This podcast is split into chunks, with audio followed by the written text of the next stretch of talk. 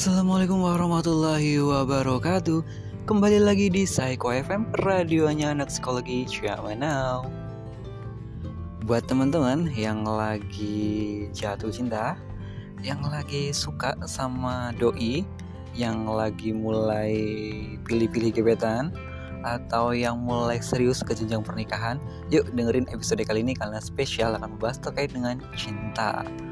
What is cinta atau what is love? Banyak teman-teman yang uh, punya apa ya pandangan atau mungkin punya pengertian atau uh, apa namanya um, penjelasan masing-masing ya terkait dengan cinta. Setiap individu pasti akan bilang bahwa mencintai itu menyukai, mengagumi, pengen memiliki pengen bersama selamanya sampai mati atau nggak suka si doi itu deket-deket sama yang lain? Atau mungkin pengen pokoknya dirimu hanya buat gue macam-macam gitu ya. Bener nggak? Oh tentu bener gitu ya. Hmm, salah. Bisa juga. Tapi ya seperti itulah ya. Biarkan uh, teman-teman menggambarkan apakah itu cinta versinya masing-masing kita nggak akan berbicara mengenai penjelasan cinta itu apa atau mungkin yang benar itu apa pengertiannya definisi istilahnya. No no no. Kita akan uh, belajar terkait dengan uh, makna cinta. Wes ini yang lagi uh, galau nih yang lagi habis putus cinta. Uh, jangan terus cut ya nggak mau dengerin.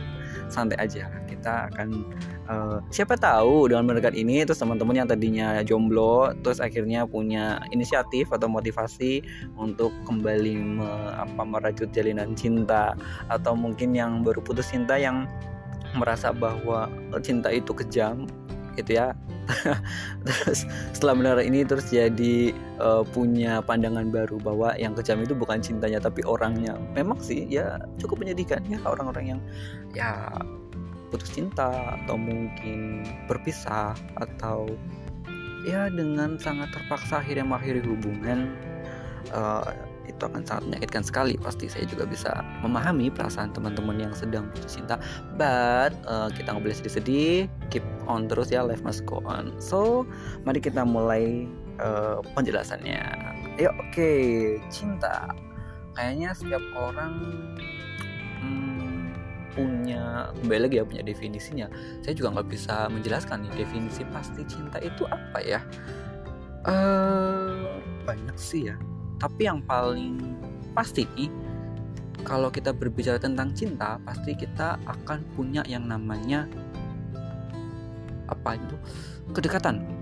Rasa ingin selalu ada bersama orang yang kita cintai. Istilahnya intim gitu ya berhubungan intim bukan berhubungan intim yang berhubungan seksual ya.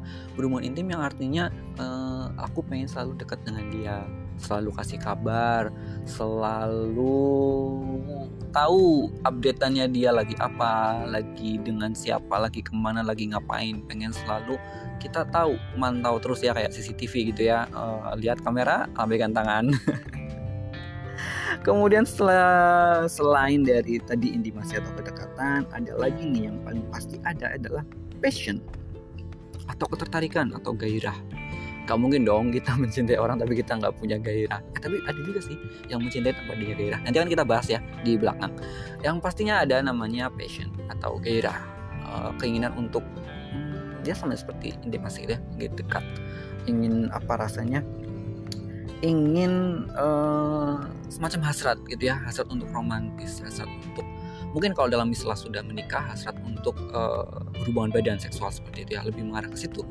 Tapi uh, selain itu juga kayak hasrat pengen bareng-bareng terus kayak uh, kalau dia sama orang lain tuh ah cemburu gitu ya rasanya sakit hati. Kalau dia nggak memperhatikan kita tapi sama yang lain kok kasih perhatian lebih rasanya uh, ada yang mengganjal gitu ya pengen marah tapi nggak tahu sama siapa. Kemudian yang pasti ada di nomor tiga adalah komitmen. Wah banyak nih yang pacaran tapi nggak mau komitmen. Cuman maunya pacaran nah, kok jadi pacaran ya? Ya intinya kita mencintai tapi belum berani berkomitmen. Saya suka sama kamu kamu suka sama saya tapi kita belum mau untuk menyatakan dalam satu janji ikatan pernikahan atau janji untuk menjalani kehidupan bersama-sama. Terus itu bukan cinta dong tetap cinta sih sebenarnya. Berarti nggak nggak harus wajib tiga ya. Ya juga ya nggak harus wajib ada tiga ya. Hmm, oke okay, oke okay, next gitu ya. Jadi kalau di psikologi sendiri cinta itu ada beberapa tokoh ya atau teori yang menjelaskan terkait dengan cinta atau definisinya atau bla bla bla gitu ya. Seperti yang saya tadi bicarakan di awal terserah teman-teman mau mendefinisikan cinta itu seperti apa? Bebas. Gitu ya I don't care gitu. Apalagi kalau orang lagi jatuh cinta kan susah ya dibilangin kayak ngomong sama tembok gitu ya. Pokoknya kalau udah ngomong sama orang yang lagi jatuh cinta atau lagi benci sama seseorang dah mending ngomong sama tembok dah. Gak akan didengerin masuk kanan keluar kiri. Percaya deh. Uh, temennya lagi uh, jatuh cinta gitu ya uh, besti besti lagi lagi bucin atau lagi lagi benci bantu sama orang lain udah kamu gak usah ngomong apa pun tentang orang itu gak akan didengerin oke lanjut jadi uh, saya paling suka itu berbicara tentang teori cinta dari seorang tokoh psikolog tokoh psikologi namanya adalah Steinberg. Jadi Steinberg ini uh, teorinya dikemukakan pada sekitar 1980-an. Jadi ya jelasin oh berat ya penjelasannya. aduh kalau udah berbicara teori-teori oke, okay. ya skip skip skip skip. Gak usah gak usah gak usah gak usah bahasa gak usah bahas uh, teori ya intinya ini adalah orang yang mencetuskan ini uh, namanya Steinberg ini cukup terkenal di dunia psikologi apalagi ini yang menjadi dasar dari psikolog psikologi cinta ya buat teman-teman yang pengen mendalami gitu ya bisalah dibaca gitu ya di internet banyak di buku-buku juga udah banyak atau mau kuliah psikologi juga boleh atau yang lagi kuliah psikologi nih mau mendalami nanti belajar di psikologi sosial ya ada kayak bocoran aja jadi menurut Steinberg ini orang itu ketika mencintai orang lain itu didasarkan pada tiga komponen yang uh, saya jelaskan tadi. Ada intimasi, ada passion, ada komitmen. Kenapa sih ini harus ada? Terus kalau misalnya salah satunya nggak ada, bisa nggak uh, disebut mencintai? Bisa, bisa tetap mencintai bisa. Cuman kita berbicara terkait dengan cinta yang perfect. Oh, yang sempurna. Nah itu kalau yang sempurna itu ada tiga komponen ini. Ada uh, tadi intimasi kedekatan, gitu ya. Komponen untuk uh, keter keterikatan atau keterta, uh, keterkaitan gitu ya dengan pasangan baik secara fisik ataupun emosional. Kemudian ada passion, tadi ya gairah biasanya ya tadi konteksnya lebih ke arah hubungan seksual. Kemudian ada komitmen artinya adalah ya apa sih ya komitmen ya komitmen ya sama sama-sama gitu ya berjanji apa namanya? Semacam ikatan gitu ya tujuan bersama lah. Uh, bisa didefinisikan sendiri lah ya komitmen itu apa. Kayaknya teman-teman juga udah paham lah yang namanya komitmen itu apa. Ya mengacu apa ya mempertahankan hubungan dan menjaga cinta itulah dalam jangka panjang gitu ya. Nggak cuman aku cinta sama kamu hari ini aja besok udah. Enggak nggak seperti itu ya. Biasanya kalau komitmen dilambangkannya dengan ikatan pernikahan. Terus uh, kembali lagi nih. Kalau misalnya nggak punya tiga-tiganya apakah disebut mencintai? Nah ini dia. Dari tiga komponen ini kan kita berbicara terkait dengan cinta yang apa tadi uh, sempurna perfect perfect love ya. Cinta yang sempurna harus punya tiga komponen ini. Nah dari sini Steinberg ini uh, apa ya kalau misalnya kita nggak punya salah satunya apakah uh, kita disebut tidak mencintai? Tentu tidak kita tetap mencintai. Oleh karenanya Steinberg ini membagi orang menjadi delapan tipe orang yang lagi jatuh cinta. Nah ini nih uh, teman-teman yang lagi posisi lagi jatuh cinta bisa disimak. Sekarang posisinya lagi di mana? Di tipe yang mana atau di fase yang Oke, langsung aja. Pertama, ada tipe cinta friendship atau persahabatan. Teman-teman pernah gak sih punya sahabat yang deket banget sampai kadang oh, dia disakitin sama siapa kita ikutan sakit. Nah, dia cowok cewek nih. Kalau eh tapi biasanya ya kalau ini out of the of the topic ya. Out of the topic. Biasanya kalau cewek curhat sama cowok biasanya jadi pacar beneran tuh atau jadi pasangan beneran gitu ya. Tapi kalau cowok curhat sama cewek kayaknya jarang deh. Oke okay, sekedar intermezzo aja ya Oke, jadi di percintaan yang pertama, tipe yang pertama adalah friendship, friend zone. Ah, nih siapa yang teman-teman yang suka di friend zonein?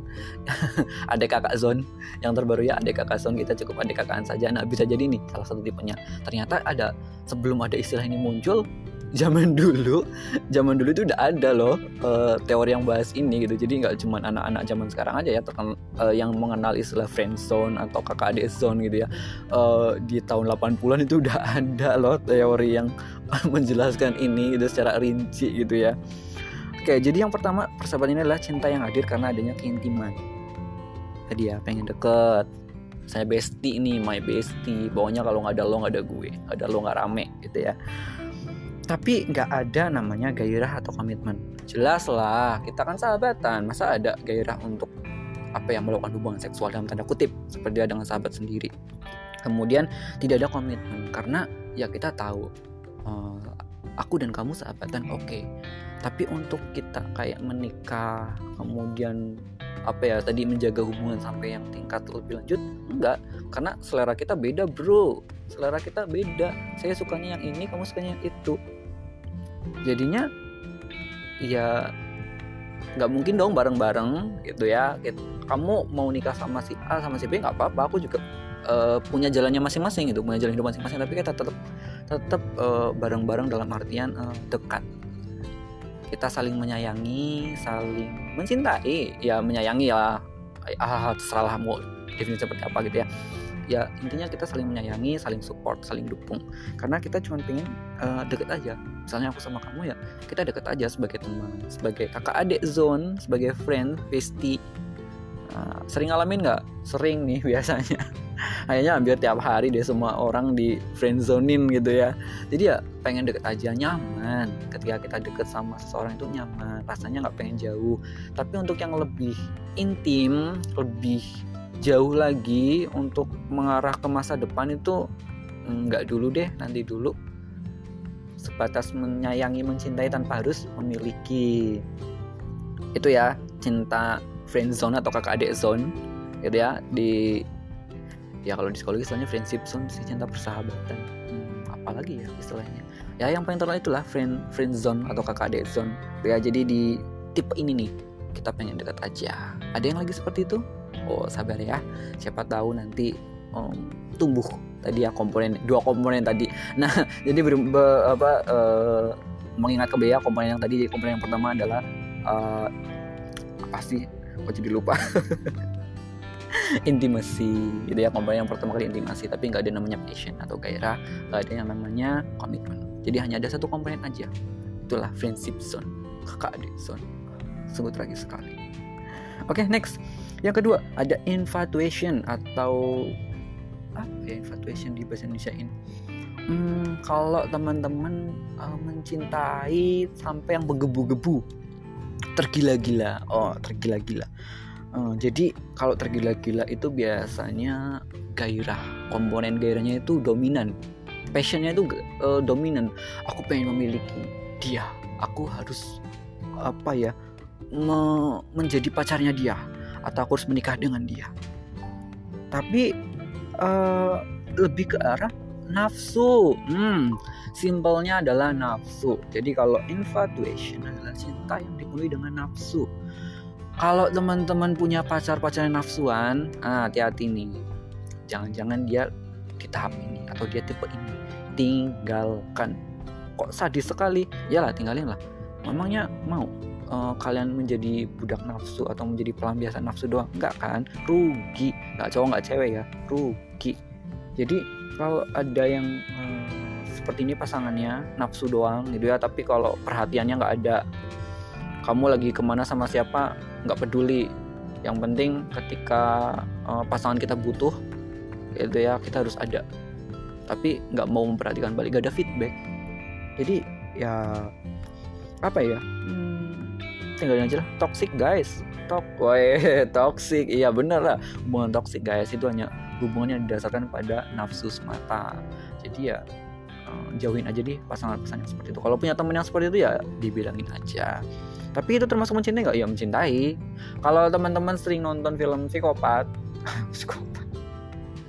Ya film-film yang menculik gitu ya. Terus suka sama seseorang sampai akhirnya menculik dia kemudian menyekap dia pengen menikahi tapi uh, tanpa persetujuan uh, pasangannya atau orang yang satunya gitu. Misalnya aku menculik kamu tapi kamu nggak mau diculik uh, ada pemberontakan. Nah itu berarti aku sedang mengalami apa tadi infatuation love atau ya cinta nafsu lah ya uh, bahasa Indonesia nya lah.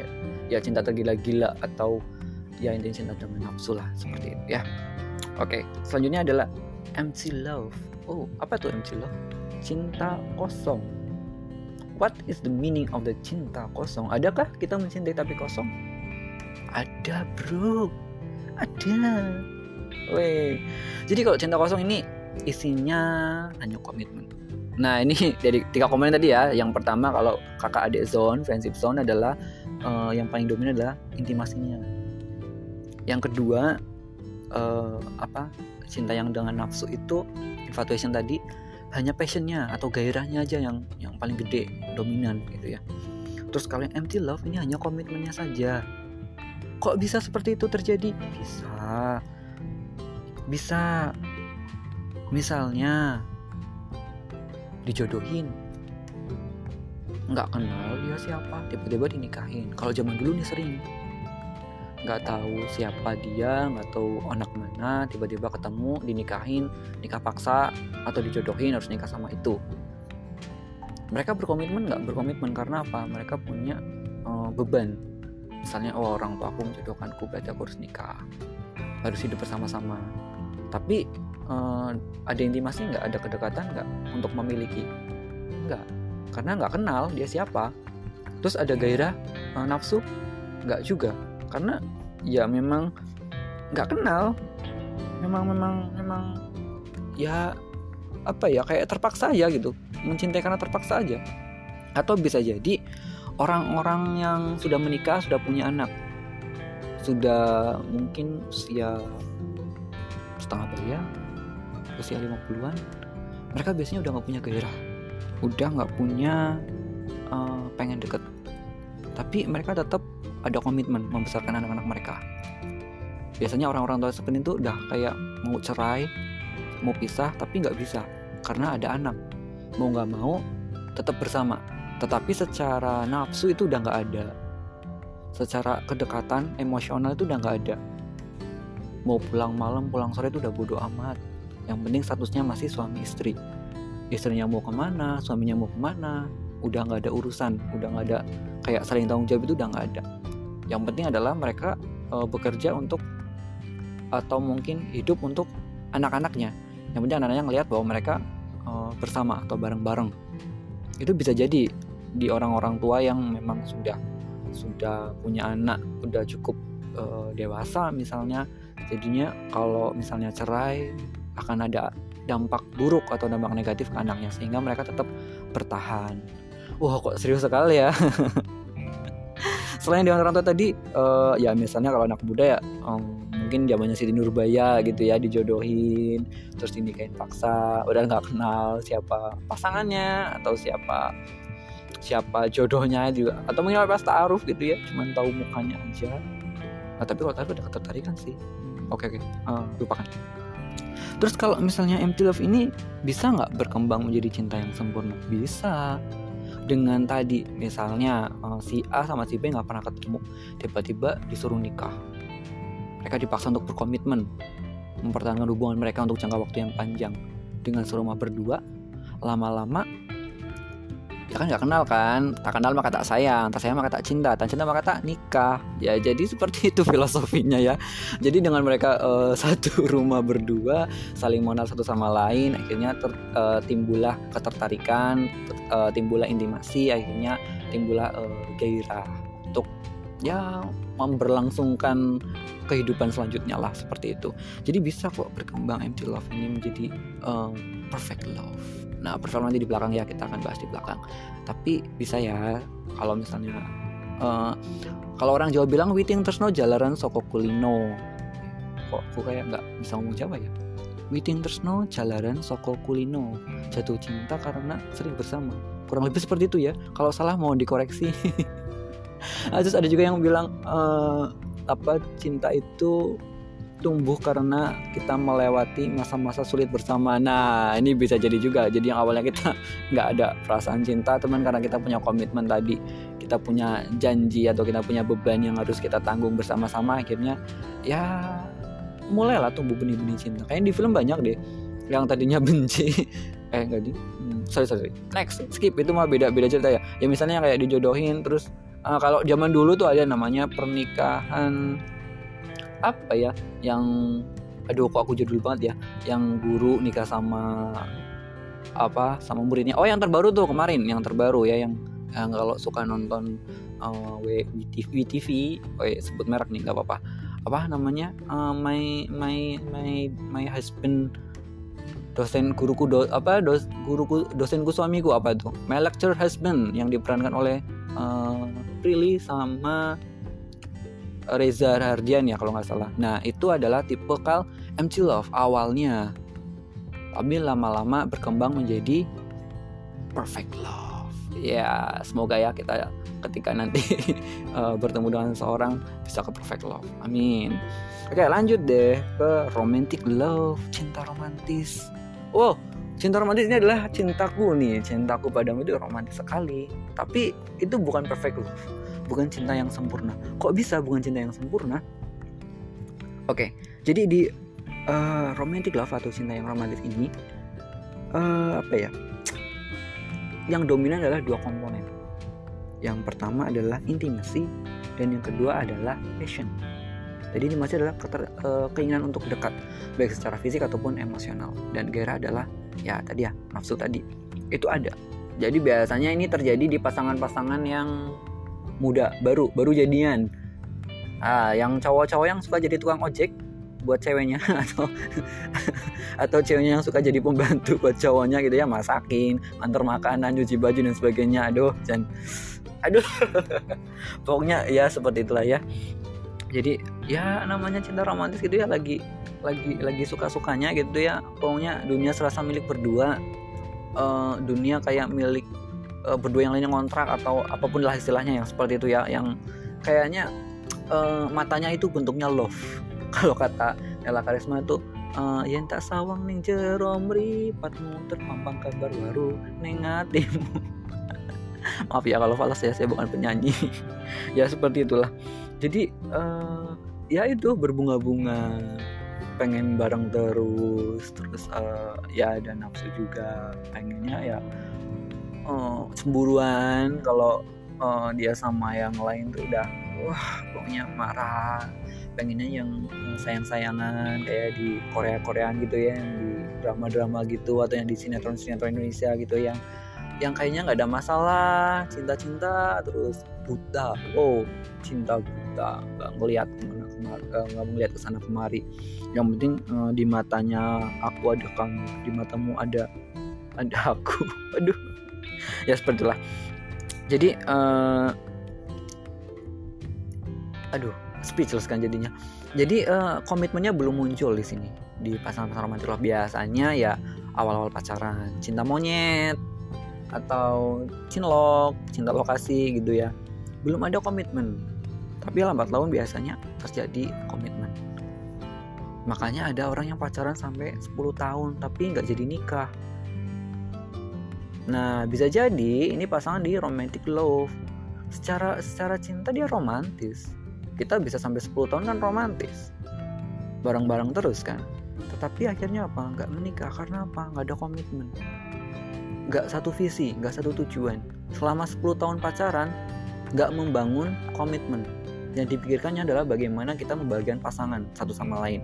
Sama-sama saling memiliki, sama-sama saling bahagia, sama-sama saling mengalami apa indahnya dunia tapi nggak mau berkomitmen.